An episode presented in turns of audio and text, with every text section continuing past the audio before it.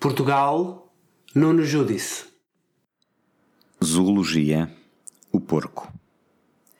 O porco vive como os homens na caverna de Platão. O seu mundo é o mundo das sombras. Quando olha para o chão, vê o paraíso. Quando olha para o céu, está com a faca na garganta.